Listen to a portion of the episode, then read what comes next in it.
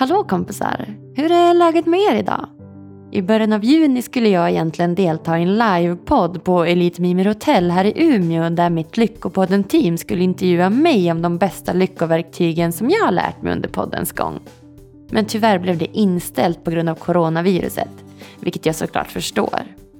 Jag vill bara tipsa er om att ni såklart kan boka mig som föreläsare, mental coach, livepoddare eller någonting annat här framåt hösten om ni så önskar. Och självklart då under coronavänliga restriktioner. Maila mig då på agnes.lyckopodden.se Idag har jag äran att få bli gästad av den fantastiska struktören David Stjärnholm. Jag hade ingen aning om vad en struktör var innan jag pratade med David. Det enda jag hade fått för mig var att det lät tråkigt och rutinmässigt. Men ack så fel jag hade. Idag får ni höra David övertyga mig om att struktur är något nödvändigt för att också kunna känna frihet och kreativitet. Utöver det egenpåhittade yrket struktörexpert är David också framgångsrik föreläsare och mångfaldig författare. I dagens avsnitt avslöjar David de bästa knepen för att få struktur i vardagen. Han myntar begreppet normkalender och berättar hur struktur och lycka faktiskt hänger ihop. Jag heter som vanligt Agnes Sjöström och den här podden presenteras i samarbete med hypnotication.com. Varsågoda David Stjärnholm!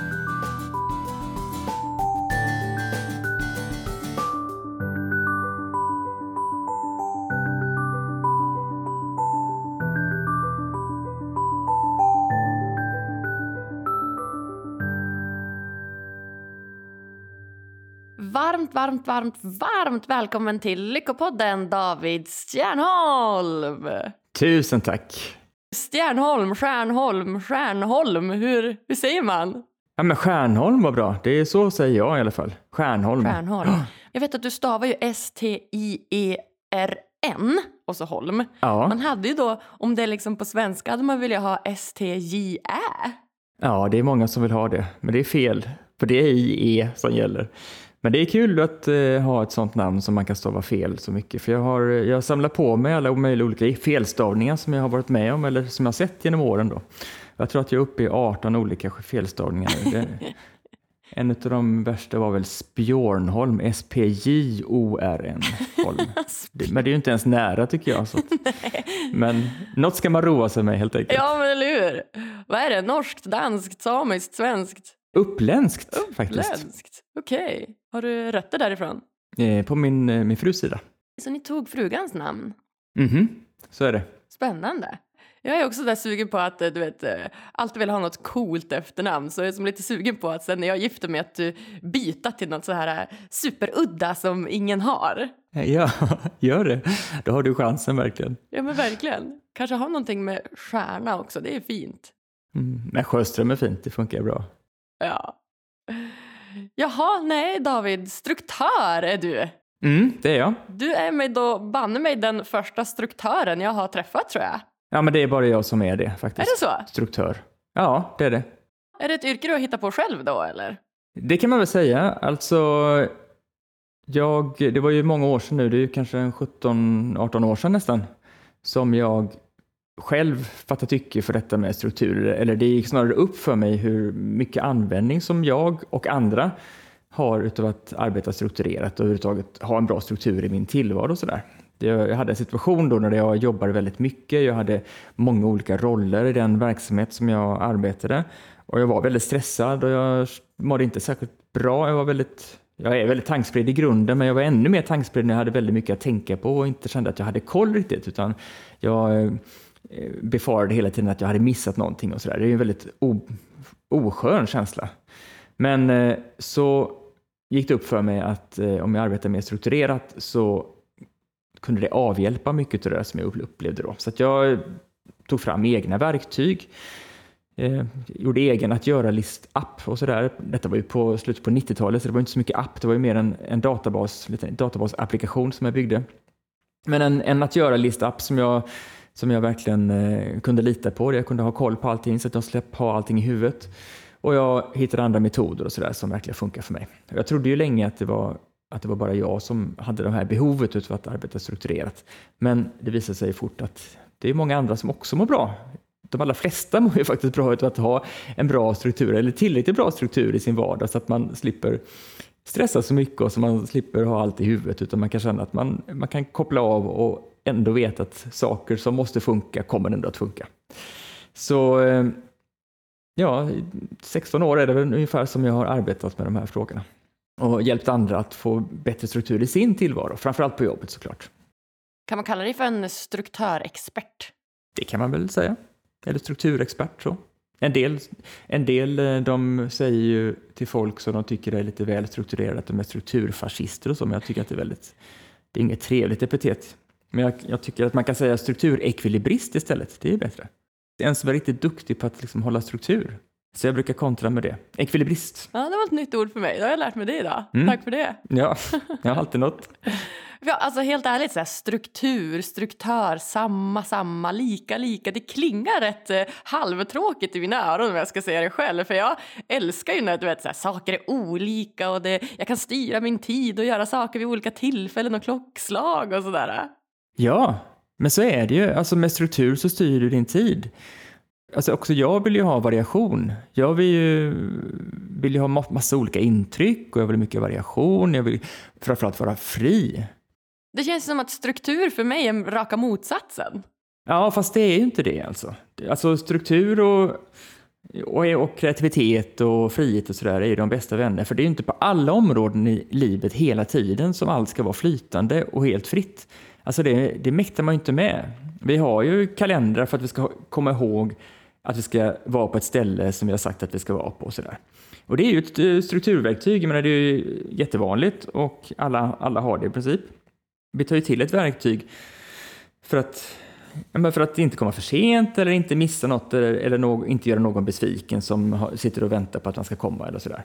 Så, så jag menar, strukturen ska ju Alltså den ska ju finnas till för att hjälpa oss med det som vi inte själva vill hålla på att hålla koll på hela tiden.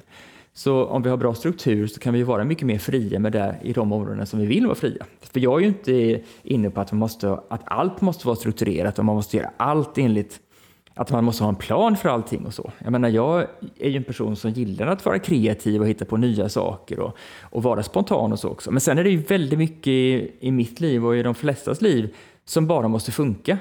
Det är räkningar som ska betalas, man ska göra sitt jobb och, och leverera till kunder om man har det.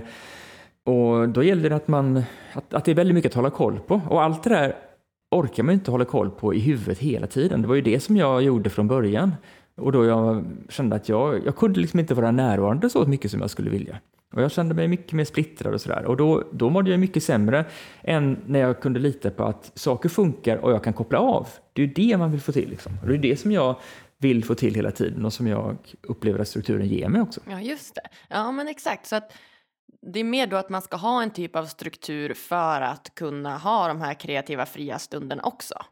Ja, så är det ju. Allt det där som du inte vill hålla på och gå och tänka på, eller tycker att det är så inspirerande att hålla på och gå och tänka på.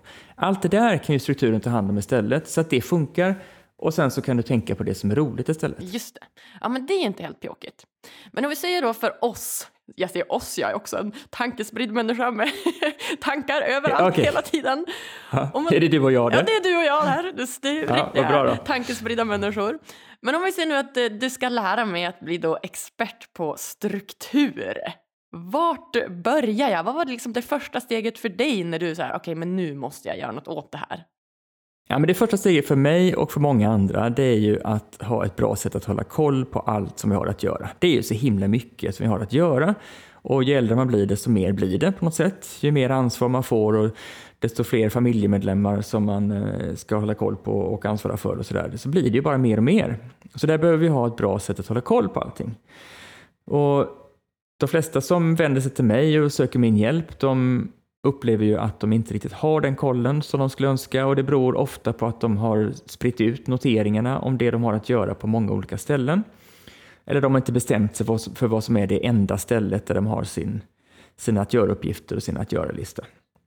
Det blir väldigt splittrat. Man, vi flaggar mejl och vi har lappar och sådär vi skriver och vi skriver någonstans i telefonen och på ett annat ställe i telefonen och lite varstans. Det blir liksom väldigt splittrat. Mycket, man har mycket i huvudet och sådär. Om man nu är noga med att, att man om man nu vill ha det så, om man vill ha det på ett sätt och är noga med att det blir på det sättet, då kan man ju inte riktigt koppla av om man inte riktigt har den här kollen. Så eh, att börja med att, att styra upp det där, att samla ihop alla noteringar om det du har att göra och ha dem på ett ställe, ett ställe som passar dig, det är det där de flesta börjar faktiskt. Och det ger direkt en väldigt stor effekt faktiskt. Just det. Så steg nummer ett, samla alla dina att göra saker på ett ställe. Ja. Och så gärna skriva ner också. Ja, det brukar vara bra. Att skriva ner eller skriva in eller så. På papper eller också i app eller något digitalt ställe. Det gäller att man väljer ett ställe som, som man trivs med. För ska du trivas med att ha struktur så att strukturen verkligen kan hjälpa dig så som du vill att den ska göra så gäller det att du också trivs med själva strukturen, att du, att du gillar det sättet som du strukturerar. För det finns ju inte ett sätt att skapa struktur, inte ett sätt som alla borde göra på. Alla gillar ju inte Excel liksom. Även om det är ett jättebra verktyg för en del. Jag känner ju folk som älskar Excel och vill göra allt i Excel. Men, och en del vill ju inte ens öppna det där. Det blir väldigt tråkigt för en del med alla dessa rutor och celler och allt vad det är. Men struktur är ju inte prompt ett visst verktyg, utan struktur är ju att man bestämmer sig för hur man ska göra något och sen så gör man det så lätt för sig att göra på det sättet. Till exempel genom att bestämma sig för ett verktyg. Har du fler olika verktyg eller hur gör man sen när man skrivit ner sin lista? För jag kan ju känna att min lista kan ju bli vet, superlång och att man nästan aldrig kommer igenom den. Och hur gör man sen? Ja men precis, man gör en komplett lista så den blir jättelång. Och det är ingen människa orkar ju titta på en enda lista med allt samtidigt. Då slutar man ju med att, eller då, då blir det som att man tittar upp och tittar ner i listan och man, man tar inte tag i någonting för att det är så mycket. Liksom. Och så gör man det som man kommer på istället, som kanske inte är rätt sak i alla fall. Så att det gäller att du eh, delar upp listan på något smidigt sätt och ju mer digitalt du har den, desto enklare blir det faktiskt att dela upp den. Så att du slipper se hela listan hela tiden. Och såklart så kan vi dela upp listan efter dag när det ska vara klart, så att man ser dagens saker, det är ganska naturligt. Men det finns också andra sätt att dela upp listan. Jag delar också upp min lista efter eh, var någonstans jag ska vara när jag ska göra den här uppgiften. En del saker behöver jag vara här på kontoret, det är just nu, för att göra saker. En del saker behöver jag vara hemma för att göra. När jag är nu på kontoret så behöver jag inte se allt det där som jag ska göra när jag är hemma, för jag kan ju inte göra det, för jag är ju inte hemma. Och skulle jag se allt det nu så blir jag bara stressad av att se allt det som jag ska göra sen när jag kommer hem. Så då är det bättre att man väljer bort det där då. Och bara ser det som jag kan agera på just här. Jag delar också upp min lista efter hur lång tid uppgifterna tar att göra. För en del saker tar ju fem minuter och en del tar en halvtimme och så. Och när jag har en kvart över så spelar det ingen roll, eller då är jag snarare inte betjänt av att se halvtimmasakerna, för de kommer jag ändå inte kunna göra. Alltså är det bättre att jag bara ser dagens 15 minuter eller, min, eller kortare saker. Så att, jag, så att det jag ser är det jag kan agera på, så att jag inte behöver titta förbi grejer. För det är ju väldigt jobbigt att se någonting som man har att göra, men, in, men att känna att man inte kan göra det just nu. Alltså, det är då man känner sig mer maktlös och det är inte alls skönt. Istället så vill jag ju kunna känna mig handlingskraftig. Jag vill kunna se det som jag kan, gör, kan agera på nu. Så att allt det här skulle kunna göra någonting åt just nu. Nu när jag vill få saker gjort för att känna att jag kommer vidare, då är det precis de här sakerna jag kan göra. Det är det man vill få till då. Och beroende på vilket verktyg du väljer för dina att göra-uppgifter så är ju detta mer eller mindre svårt att göra. Men om vi pratar digitala verktyg som många använder så eh, kan man göra den här indelningen med hjälp av olika hashtags till exempel, eller olika etiketter, eller andra slags grupperingar. Vissa verktyg så gör man olika listor fast det ligger i samma verktyg så att det ändå blir som en, list, som en enda lista. Vilket digitala verktyg använder du? Jag använder ett verktyg som heter Things som eh, finns för Mac som synkar både till telefon och till dator kors och tvärs. Sådär. Eh, det är väldigt stabilt och det utvecklas väldigt, väldigt långsamt, men, det är väldigt, men det är väldigt stabilt. Ja, det händer ingenting där nästan, tycker jag. Men, men det är väldigt stabilt och det kraschar aldrig. Jag kan verkligen lita på det. Sen är det, det är inte så det är jättekul, men det, det gör sitt jobb. Men det finns andra verktyg. Många som jag träffar, om vi nu pratar jobbmiljö och sådär, de eh, jobbar ju med eh, Microsoft eh, på Microsoft-plattform med Office-paket och sådana saker. Och då finns det ju i det nya Office 365 finns det en jättebra tjänst som heter Microsoft To Do som är, den är toppen faktiskt. Så den eh, kan jag verkligen rekommendera för de som har Office 365 på jobbet. Ja men okej, okay, så att eh, skriva ner eh, saker man ska göra, skriva ner dem kanske på olika ställen och ut efter tid. Alltså hur lång tid det tar. Det kan vara tre stycken bra, bra grundpelare att börja med. Ja, precis. Och sen då, om man har gjort det och liksom har de här olika sakerna på olika ställen ska man ju fortfarande någonstans hitta tid för att faktiskt göra det här. Har du något tips på hur man gör där? Ska man hitta tid till grejer så är ju kalendern ett bra verktyg för det. Det är ju där vi ser vår tid på något sätt. För en del så blir ju kalendern väldigt full väldigt fort. En del upplever att kalendern lever sitt eget liv liksom. Det blir ju helt fullsmockat med olika möten och sånt där. Och sen är det saker som de aldrig riktigt får tid till. Och då kan vi ju skapa tid för de uppgifterna i kalendern. Vi kan eh, boka återkommande tid för de här uppgifterna som det inte automatiskt blir tid för. Det kan, förmodligen så är det väldigt viktiga uppgifter, annars hade vi inte bekymrat oss för att vi inte hinner dem. Det är ju lätt hänt annars att det, är, att det är de brådskande sakerna som får försprång eller som, som vi gör i första hand istället. Men det gäller att vi får tid till de viktiga också. Och då tycker jag att det är bra att, att blocka tid i kalendern för sådana saker. Och där kan man använda olika knep då. Jag tycker ju att det är bättre att eh, blocka tid och skriva någonting generellt än att skriva något specifikt man ska göra. För vi ska skilja på vad vi skriver i kalendern och vad vi skriver på att göra-listan. Alltså, det som vi skriver i kalendern det är sånt som är klockslagsberoende, som är beroende att vi, att, av att vi gör det just i det där klockslaget. Det är därför vi har mötena i kalendern snarare än att vi lägger in möten i att göra-listan. Alltså ett möte börjar ju klockan 10 och så slutar det en annan tid. Liksom. Och då lägger man det klockan 10 så att man blockar tid för det. Då. För en del gör ju misstaget att, de, att det är saker som de ska göra så fort som möjligt bara och som de lägger in i kalendern där det finns plats. Men när de väl kommer till, den här, till det här klockslaget, det kanske är nio då, då, så är det inte just det som har högsta prioritet just då. Så då är det inte det som de har lagt in där som de egentligen gör. Och då gäller det att man kommer ihåg att flytta den här noteringen om det som man inte hann göra till ett annat ställe. Det blir väldigt mycket flyttande och administrerande i kalendern. Så därför är det bättre att sådana saker som inte är helt klockslagsberoende, att man om man nu vill skapa tid för dem, för att det inte blir tid till dem annars utav, med automatik, att man lägger in, eh, att man blockar fria timmar, man kan skriva egen tid eller, eller ostörd tid eller något sånt där då, så att man får ha de här timmarna i fred i alla fall. Och det känns som det svåra. Jag tycker kalendern, det blir lätt att den äter upp en, du vet, att det står möte, möte, möte, möte och nej, nej, nej, nej. Och just den här som du säger, egna tiden, att den är ju den som faktiskt är den som är den svåraste att ta, tycker jag. Ja, och då lägger man in den. Du får räkna ut hur många timmar du behöver av egen tid som inte är andra saker som automatiskt kommer dit. Det kanske är 10 timmar eller 20 timmar eller sånt där, inte vet jag. Men då kan man lägga in det i kalendern. Du kan lägga det som återkommande möten som man kan göra i de flesta digitala kalendrar, eller alla förmodligen.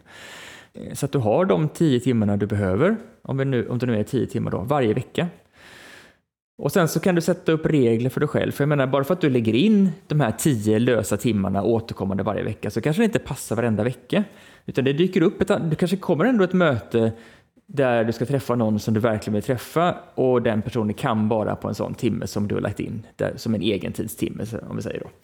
Ja, men om du då är noga med att inte ta bort den där egentidstimmen utan bara flytta den fast bara inom befintlig vecka så kommer du ändå att få den här timmen under den veckan allt för många de, de tänker att äh, det gick inte, så tar de bort den där timmen i alla fall. Och så blir det i alla fall inte den här egentidstimmen. Men ta inte bort den, utan flytta den, men bara inom befintlig vecka. Så länge som du har luckor kvar att flytta till så kan du tacka ja till det här nya mötet som har kommit.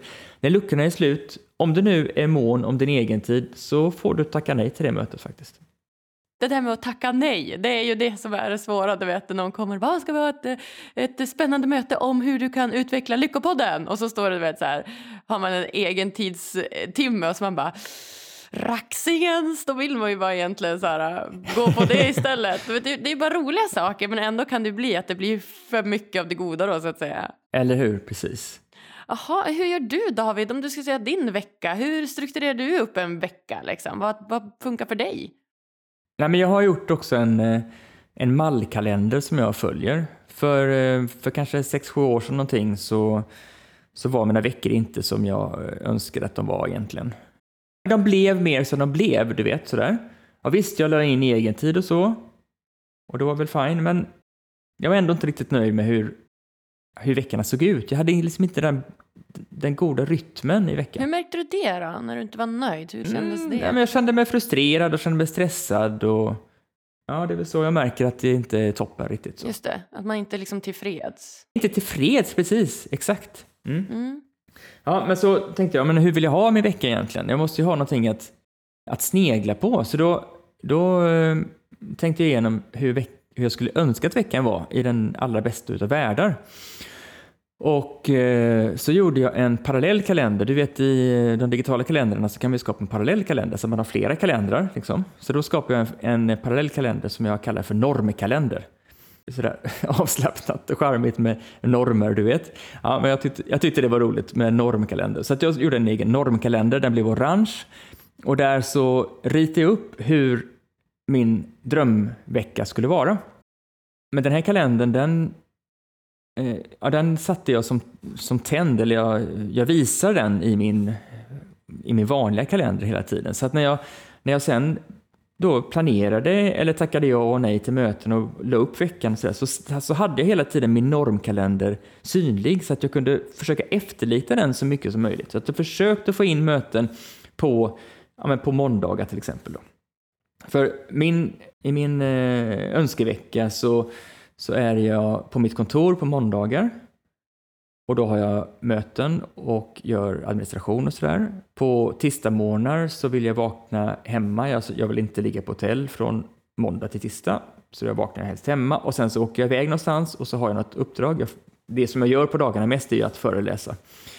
Såklart. Och, eh, så då åker jag iväg någonstans och har föreläsning och sen så kan jag vara ute och åka i regel, nu är det ju andra tider, men i regel så åker jag runt och föreläser eh, tisdag och onsdag och torsdag och så kommer jag hem sent på torsdag kväll och så fredagarna så är jag ledig. Så att jag la in det som en, som en, eh, ja men som min norm och sen så försökte jag då efterlikna det så mycket som möjligt när jag planerar min vecka. När jag tackar ja och nej till grejer och när jag själv föreslog tid för möten och så. Och från början så blev det ju inte precis så som jag hade tänkt mig. Det här funkar ju inte från första stund. Men över tid så lyckades jag mer och mer skruva mig en vecka så att den mer och mer blev som jag, så som jag vill ha den. Och i regel så, så, eh, så ser min vecka ut på det där sättet. Ja, men det låter ju jättebra. En riktig drömvecka. Så där skulle jag också vilja ha det. Så här, vara hemma, kontor, liksom lite admin måndag så man liksom har gjort bort lite sånt. Och sen då tisdag, onsdag, torsdag att man kan vara ute och, och föreläsa eller jobba med det man gör, podda lite kanske, plugga lite och sen ledig fredag, lördag, söndag. Det låter som en bra norm. Ja, precis. En, bra, en, egen norm. en egen norm. För jag menar, för att få det så som man vill ha det så behöver man göra tydligt för sig hur, hur man vill ha det. Ja, så man måste ju börja där egentligen. Att så här, vad, ja, men vad precis, eller hur? Jag tycker att alldeles för få gör det. Och jag menar, och den som ska övertygas eller som ska följa detta, det är ju du själv. Så att du börjar med att, att göra tydligt för dig hur du vill ha det. Och vet du inte hur du vill ha det, så gissa. Du kommer märka ifall det inte är så du vill ha det i alla fall. Och sen så gör du det tydligt i den, så att du ser i den stunden när det kommer till kritan, alltså när du sitter och, och, och liksom hovrar med muspekaren över ja eller nej-tangenten eller okej okay, eller vad det nu är, va? avvisa eller så som det står, eller på knappen på inbjudan. Det är ju då som du ska se hur du egentligen skulle vilja ha det, för då kanske det är en massa andra saker som drar i dig. Ja, men då känner du ett ansvar gentemot den personen som har varit hygglig nog att efterfråga dig, eller så kan det vara något annat som, som liksom spelar in, andra känslor och sådär, som gör att du fattar egentligen fel beslut sen då. Men det är då du ska ha mitt i synen att det är ju så här som jag i ett lugnt och sansat tillstånd egentligen vill ha det. Det är då du ska se den. Så då, har det, då vill jag ju se den i kalendern så att då har det funkat bra. Mm. Ja men så himla bra, som du säger det här med känslorna, när känslorna lätt tar över och när man känner det ansvaret ja. mot den här andra, du vet man kanske har bokat om en tid många gånger eller den har ställt upp för en på något sätt så man gärna känner att så här, det här vill jag ju också såklart ge till den personen och då nästan blir det som ja. att man så här, bygger sin kalender utifrån andras eh, liksom, önskningar mer kanske än vad man själv vill. Ja, vad man tror om andras önskningar, man kanske inte ens har rätt. De kanske inte alls eh, de kanske inte önskar det som man tror. Det, alltså, det, är, det är ens egna antaganden. Liksom, ja, men verkligen. Och det är exakt som du säger. Det är ens egen antagning om vad man tror den andra vill. Vill du stärka din självkänsla, sova gott och må bättre? Då borde du testa vägledd självhypnos.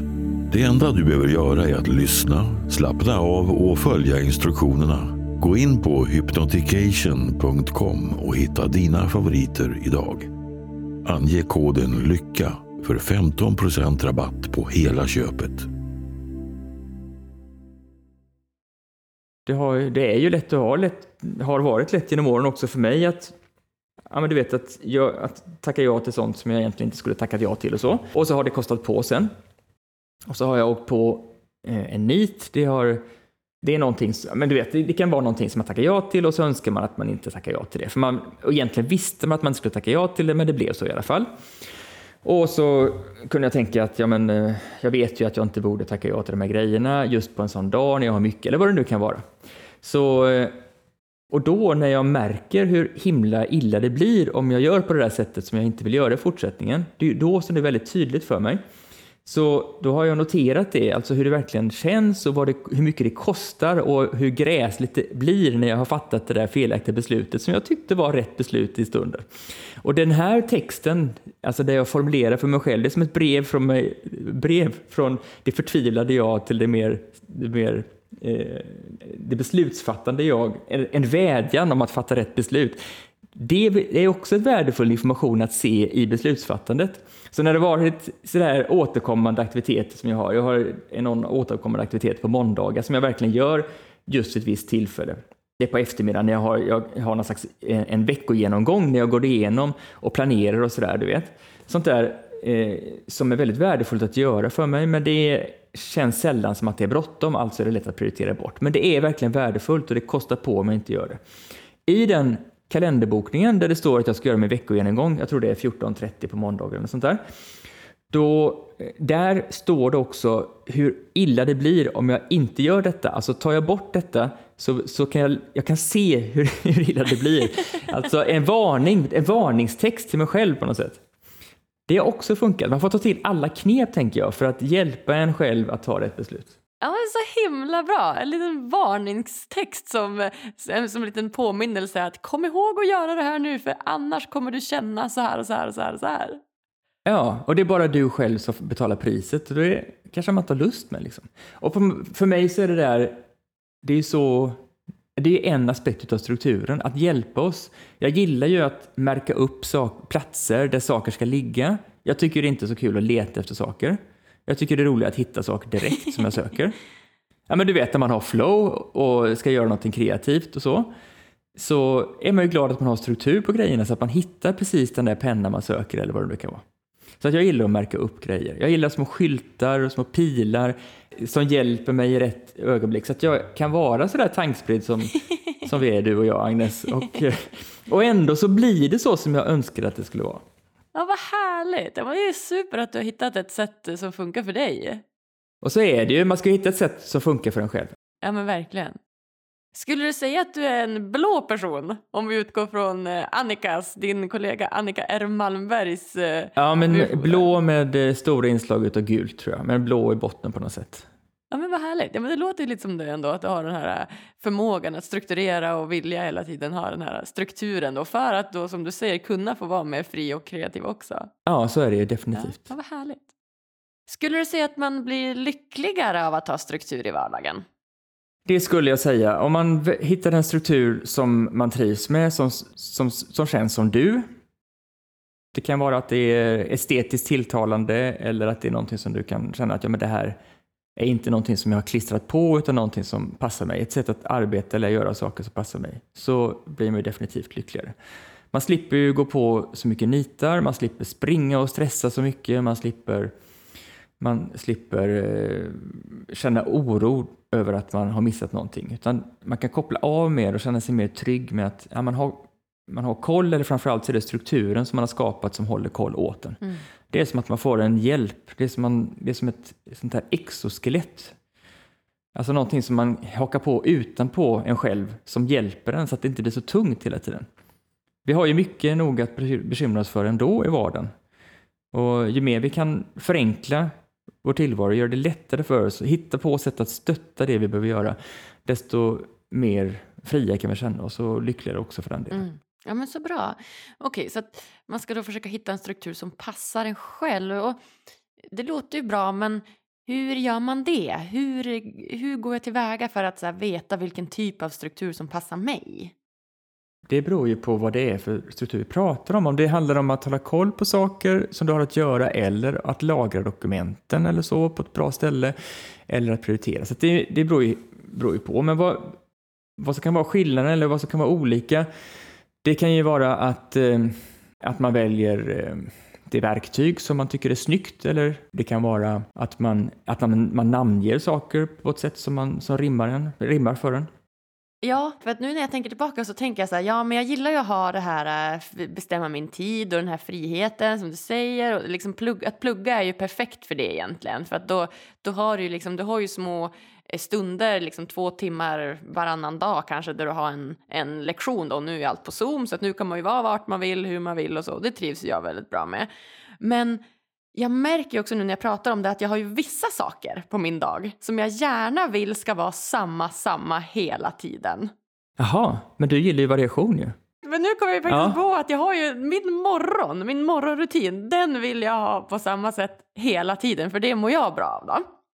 Jag är en morgonmänniska så att jag vaknar ju gärna så kanske mm, sex eller sju på morgonen.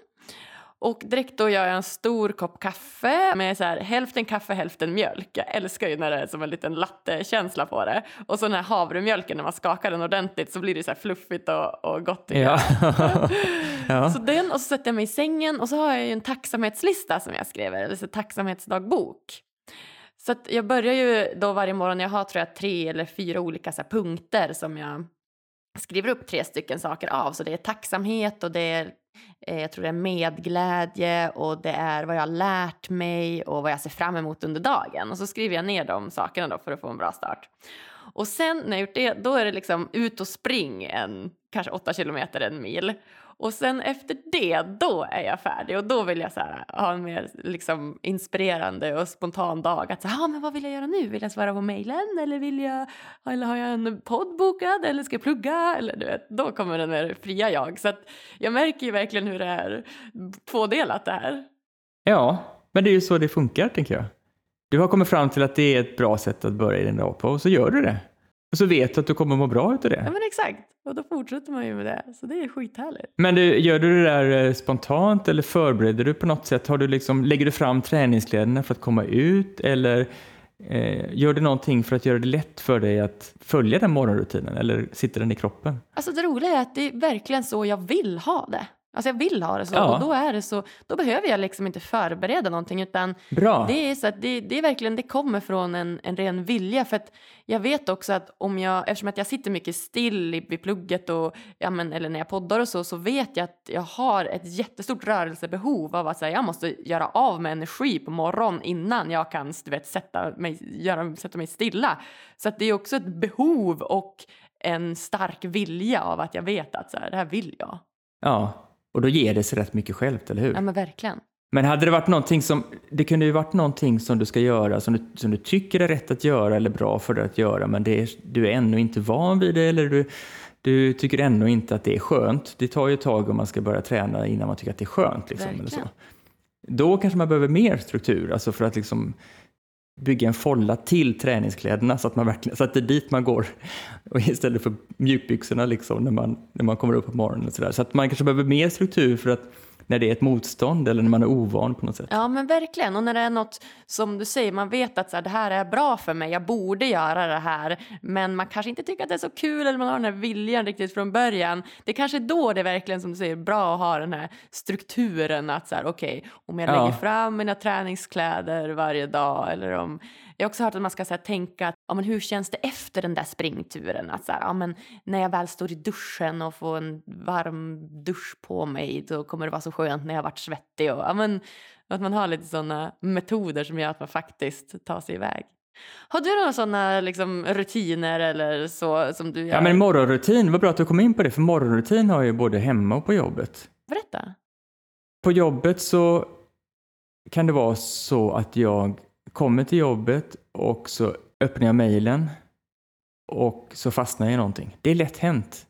Och så går tiden och det har ju hänt för många gånger att jag har fastnat i någonting som dykt upp eh, i någon, någon kanal någon informations eller kommunikationskanal. Och så eh, blir jag uppslukad utav det för att det är kanske är någonting som måste lösas just nu eller någonting som jag blir eh, engagerad utav på något sätt. Och sen så märker jag i sista sekunden att jag borde vara någon annanstans för att ha ett möte eller något sånt där. Det blir väldigt jobbigt. Så att, eh, så att det var ju ganska många år sedan nu som jag skapade min, min morgonrutin som eh, handlar om, som jag öppnar faktiskt varje morgon fortfarande. För det, det här är intressant då, baserat på vad du säger med din, eh, din löprutin och din, morgon, din morgonrutin där, för där vill du ju verkligen göra det och då behöver du inte ha någonting att hänga upp det på. Jag vill ju, det är intressant för att jag vill ju göra de här stegen som är min morgonrutin. Fast det, är något, fast det är risk att jag inte gör det för att jag har så lätt för att falla in och bli uppsluket av någonting. Så då behöver jag den rutinen. Så att det, ja, ja, det var intressant det som du sa. Det. Jag ska tänka vidare på det där men när det behövs och inte behövs. Men hur som helst, eh, min morgonrutin börjar med att jag direkt kollar igenom min att göra-lista för att se om det är någon akut uppgift jag måste göra direkt. Oavsett vilka möten jag har eller sådär. Det kanske är någonting som verkligen måste vara klart innan klockan nio. Och då kan inte jag sitta och göra massa andra saker, utan då måste jag direkt dyka ner. Så att jag kollar igenom att göra-listan för dagen och ser, okej, okay, måste jag göra någonting direkt eller kan jag gå igenom resten av morgonrutinen? Oftast är det ingenting som, måste, som är så akut, men det kan ju vara det. Sen tittar jag igenom kalendern och så ser jag vad det är som händer idag. Förmodligen har jag kollat igenom kalendern kvällen innan och sådär, men ändå. Ehm, och så sätter jag påminnelser på de kalenderbokningar där jag riskerar att bli sen. För att detta med kalenderbok, kalenderpåminnelser, det har jag inte påslaget som standard. För då skulle jag ha det påslaget som standard att det plingar varje gång jag ska ha möte eller sådär, då kommer ju den signalen att bli utsliten. Då reagerar jag inte på den till slut och då har jag inget, som, då har jag inget bra sätt att påminna mig. Så att det gäller att man verkligen aktar sig för att överanvända de här påminnelserna. Så att man inte trubbar av dem, eller trubbar av sig själv för den delen.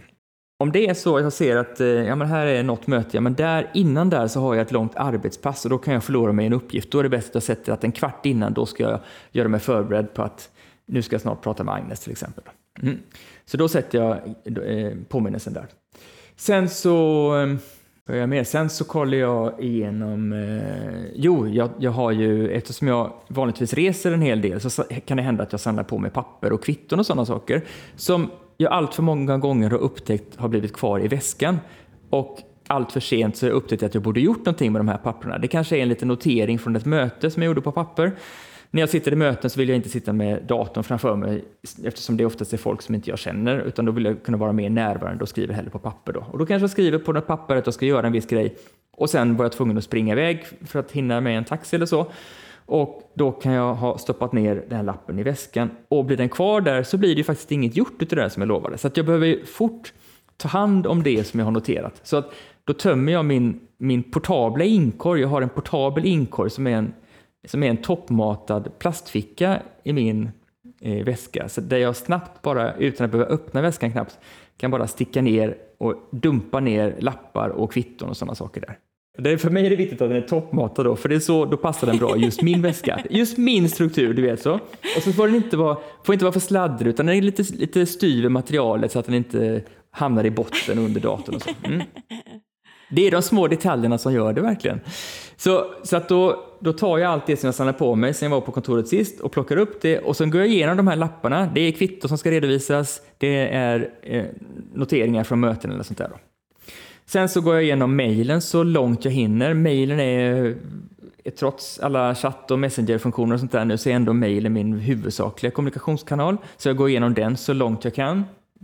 Jag försöker komma i botten på mejlkorgen eller på inkorgen, men det är inte alltid jag gör det. Någon gång i veckan så kommer jag i botten åtminstone. Och det, det räcker fullgott tycker jag. Och de mejlen som innebär att jag ska göra någonting som inte går att göra med en handvändning, de skapar jag att göra-uppgifter utav. För tar, tar de det 20 minuter så, så vore det orättvist om jag gjorde dem först bara för att de kom via mejlen, utan de ska ju prioriteras i relation till alla andra saker jag har på min lista.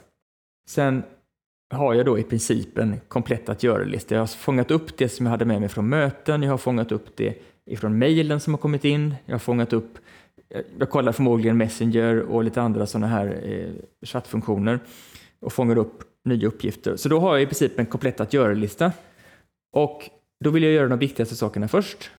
Och då har jag markerat upp med en etikett alla uppgifter som är viktiga.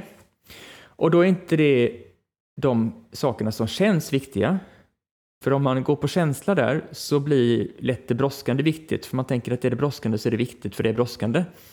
Men jag gissar att du, som så många andra, har hört att man ska skilja på brådskande och viktigt eller bråttom och viktigt. Det är ju väldigt många som, eh, som är med på det. Men bland de som jag möter åtminstone så är det väldigt få som har definierat vad som egentligen är viktigt. Varför är någonting viktigt? Om det nu inte handlar om att det, att det är bråttom. Och då är ju min tes att det som bidrar till de mål som vi vill åstadkomma, om vi tänker på jobbet då, alltså de mål som vi vill nå, det är de uppgifterna som är viktiga. För vill vi nå målen så, så är det de uppgifterna som bidrar till målen som vi i första hand ska göra. Och eftersom jag vet vilka mål jag har så vet jag vilka uppgifter, eller jag har åtminstone en hypotes om vilka uppgifter som bidrar till att jag når de här målen. Så de uppgifterna som ligger att göra-listan har jag satt en viktig etikett på. Så det första jag gör det är att jag då eh, filtrerar fram de viktiga uppgifterna så att jag får dagens att göra-lista men bara de viktiga uppgifterna. Och det är de här jag gör i första hand. Det är ju liksom rätt prioritering då. För de ska förmodligen vara klara idag eftersom de ligger på dagens lista och de är viktiga, så de har högsta prioritet. Mm. Och just det som du säger, skilja på bråttom och viktigt, att så här, man har sina mål. För det tycker jag också är svårt att så här, vad är det viktigaste att göra egentligen? Alltså den här listan kan ju vara hur lång som helst. Men det, liksom, man måste ju någonstans prioritera och som du säger då att utgå lite grann från vad, vad man har för mål. Det är nog bra. Ja men verkligen. För vi vill ju någonstans. Både privat och i arbetet såklart. Och vill vi ha det på ett visst sätt så kan vi säkert också lista ut eller åtminstone ha en idé om vad vi behöver göra för att få det så om vi inte har det så redan. Ja men exakt, tillbaka till det vad man själv vill då. Att fundera på den, att vad är mitt mål? Ja, antingen blir det som det blir eller också så blir det mer som man vill. Det är egentligen bara att välja. Ja men så himla bra. Vilken skulle du säga är din största lärdom från livet hittills? Då är nog min lärdom som jag eh, behöver lyssna på oftare, det är att det ordnar sig.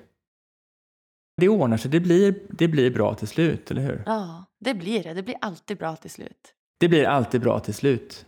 Ja, vad härligt. Jag tänker att vi ska gå in på de sista frågorna här, eh, David, innan vi lämnar varandra idag. Och eh, den första frågan är ju då, vad gör dig riktigt lycklig? Det är när jag får lära mig någonting nytt. Någonting oväntat som jag inte visste skulle vara intressant. Någonting som jag tänkte att det här, någonting som jag, tänkt, som jag inte tänkte att jag skulle kunna bemästra. Och så lär jag mig det. Det tycker jag är otroligt roligt. Det är berikande. Ja, jag känner mig väldigt fri utav det där. Jag har en, jag har, um, jag tycker om att um, åka med i en utvecklingsresa när det gäller hobbys. Jag gillar hobbys, att ha hobby, liksom, intresse så. Ehm, och jag har bestämt mig för att inte själv bestämma vilka hobbys jag har, utan det får jag se vad det blir. Liksom. Och jag har en hobby i taget i princip. Ehm, för, tills för ett tag sedan så, så hade jag som hobby, eller som intresse, att eh, bygga saker utav mikroelektronik. Det tycker jag är väldigt roligt. Bygga små apparater, hundmatningsapparater och levande porträtt som rör på ögonen när man kommer nära och sådana saker. Det tycker jag är väldigt kul. Det höll jag på med ett tag och sen så Sen så märker jag, det är så här är det jämt med mig, att jag, då märker jag att hobbyn börjar falna sådär. Jag håller inte på med det lika mycket och så. Och sen så kommer det en period när jag är, när jag är mellan hobby, så då är jag lite olycklig. Då är det något som inte är riktigt bra. Och jag kan inte göra så mycket åt det. Jag behöver liksom vänta in nästa hobby. Och så var det nu innan jul precis. Att eh, jag hade ingen hobby och det kändes... Eh, jag visste inte vad jag, vad jag skulle hålla på med egentligen och det var trist. Men sen så jag vet inte hur det kom, kom sig och så är det jämt. Jag vet inte var det kommer ifrån. Men plötsligt så började jag bara tänka på banjo hela tiden. Banjo, liksom detta instrument banjo som jag aldrig hade funderat på. Jag man har hört banjo i alla tider och sådär. Men jag har aldrig tänkt att det var något speciellt med det. Men nu var det bara banjo i, i synen för mig. Så att, eh, då, köpte jag, då tänkte jag att men nu blir det, en banjo, nu blir det liksom banjo som är nästa hobby. Så jag köpte en banjo. Så nu så spelar jag banjo, det är min hobby. Jag tycker det är underbart. att komma in i en helt ny värld liksom, utav banjokultur. Jag menar, det är ju en, helt, det är en jätterolig subkultur, precis som de allra flesta subkulturer är roliga. Vad kul! Och, eh, ja, men du vet.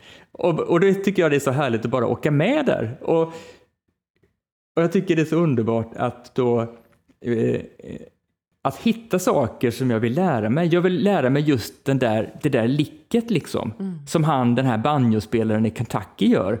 Och jag, jag visste inte att det fanns en gång tidigare. Men nu är det någonting som jag verkligen skulle vilja lära mig. Och sen så övar jag på det och så lär jag mig det. Och så har jag lärt mig någonting som jag inte visste skulle ens vara intressant att lära sig. Och så blir jag lycklig över att jag lärt mig det där helt okända grejen. Gud vad roligt! Och, så, och sen går det upp för mig att hela världen är ju full med massa sådana här saker. Det finns ju så otroligt mycket, oändligt mycket saker i världen att lära sig.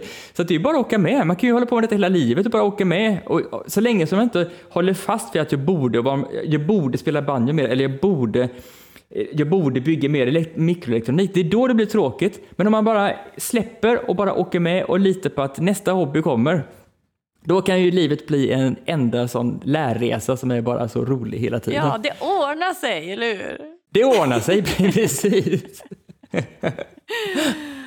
Om eh, du fick ge lyssnarna en utmaning som de kan göra varje dag för att bli lite lyckligare, vad skulle du säga då? Spela banjo. Nej, ja, spela banjo, men det är just nu då. Ja. Men ehm, leta upp någonting att läsa som du inte trodde skulle vara intressant. Mm, den är bra. Ja, om du tänker att "Nej, men det där verkar inte intressant. Ja, men det ska du läsa. Just det, att man går lite tvärtom där, att det här är inte intressant. Ja, men då är det jag ska göra. Ja, precis. Ja, ja men jättebra tips. Ja, Då blir världen lite större. Ja, men så blir världen lite större om man lär sig lite. Ja, Vem eh, hade du velat ska gästa Lyckopodden? jag skulle vilja att eh, Arvid Axland gästar Lyckopodden. Jag har träffat honom alldeles nyligen. Han, eh, han är också föreläsare som jag och han föreläser om hur man skapar meningsfulla kundupplevelser. Alltså någon slags upplevelsedesigner. Det där är ju väldigt fascinerande. Det är det. Alltså att skapa, ja men precis, man kan ju designa grejer och så och tjänster och sådär, men upplevelser, alltså hur, hur um, tänk, föreställa sig hur någon upplever ett möte med en verksamhet eller så. Hur ska man designa det så att det blir på bästa sätt? Det tycker jag är intressant. Mm. Ja, men tack snälla. Det var jättebra tips. Ska jag kolla Mm. upp. Mm. Gör det. Ja, och eh, om man vill komma i kontakt med dig då, David, hur gör man då? Jo, då söker man upp mig. Man kan gå in på min sida som heter stjärnholm.com och det vet vi ju hur det stavas nu. I-E-S-T-I-E-R-N-H-O-L-M.com, stjärnholm.com. Där, eh, om man går in på stjärnholm.com snedstreck mer, mer som är mer, mm, eh, så finns det där massvis med, med eh, länkar där man kan få lyssna på både podd och man kan få läsa veckobrev och man kan eh, hitta mina tre böcker som jag har publicerat och man kan hitta till min Youtube-kanal där jag publicerar en kort strukturtipsvideo varje vecka och många, många saker till. Så vill man ha mycket struktur och mer struktur så kan man gå till stjärnholm.com mer. Ja, men toppen. Mm. Ja, nej, är det något så slutligen som du känner att du vill eh, dela med dig av till eh, lyssnarna innan vi lämnar varann? Ja, men alltså, jag vill såklart slå ett slag för mer struktur. Även när du tror att det inte... Jag tror att struktur är tråkigt, så tänk om. Hitta strukturen som passar just dig. Gör struktur på ditt sätt. Bestäm dig för hur du vill göra någonting och gör, skapa saker runt omkring som gör, hjälper dig att göra det så lätt som möjligt för att det ska bli så som du vill. Ja, Så mer struktur vet jag. ja fantastiskt. Och finns det någon möjlighet att du skulle typ kunna så här, printscreena din eh, strukturlista? Eller jag tänker om du har någonting på datorn, att du så här, eh, printscreenar den här eh, eh, liksom anteckningarna du gör och kanske vi kan lägga ut det på, på Instagram så folk får se ungefär hur, hur du lägger upp det. Absolut, såklart. Det gör vi. Det ordnar vi. Vad härligt! Det tror jag många är nyfikna på, och inte minst jag. Ja, det tror jag det. Ja. Ja, nej David, tack snälla, snälla du för att du kom och gästade oss här på Lyckopodden. Med glädje. Det var kul. Tack ska du ha. Ja, wow hörni, så spännande. David har verkligen fått mig att förstå att struktur är något nödvändigt för att också kunna känna sig fri och kreativ. Tycker ni det här var lika bra som jag? Prenumerera gärna på podden, följ oss på sociala medier och ge oss fem stjärnor på iTunes. Tack för att just du lyssnar. Vi hörs på tisdag igen. Puss och kram!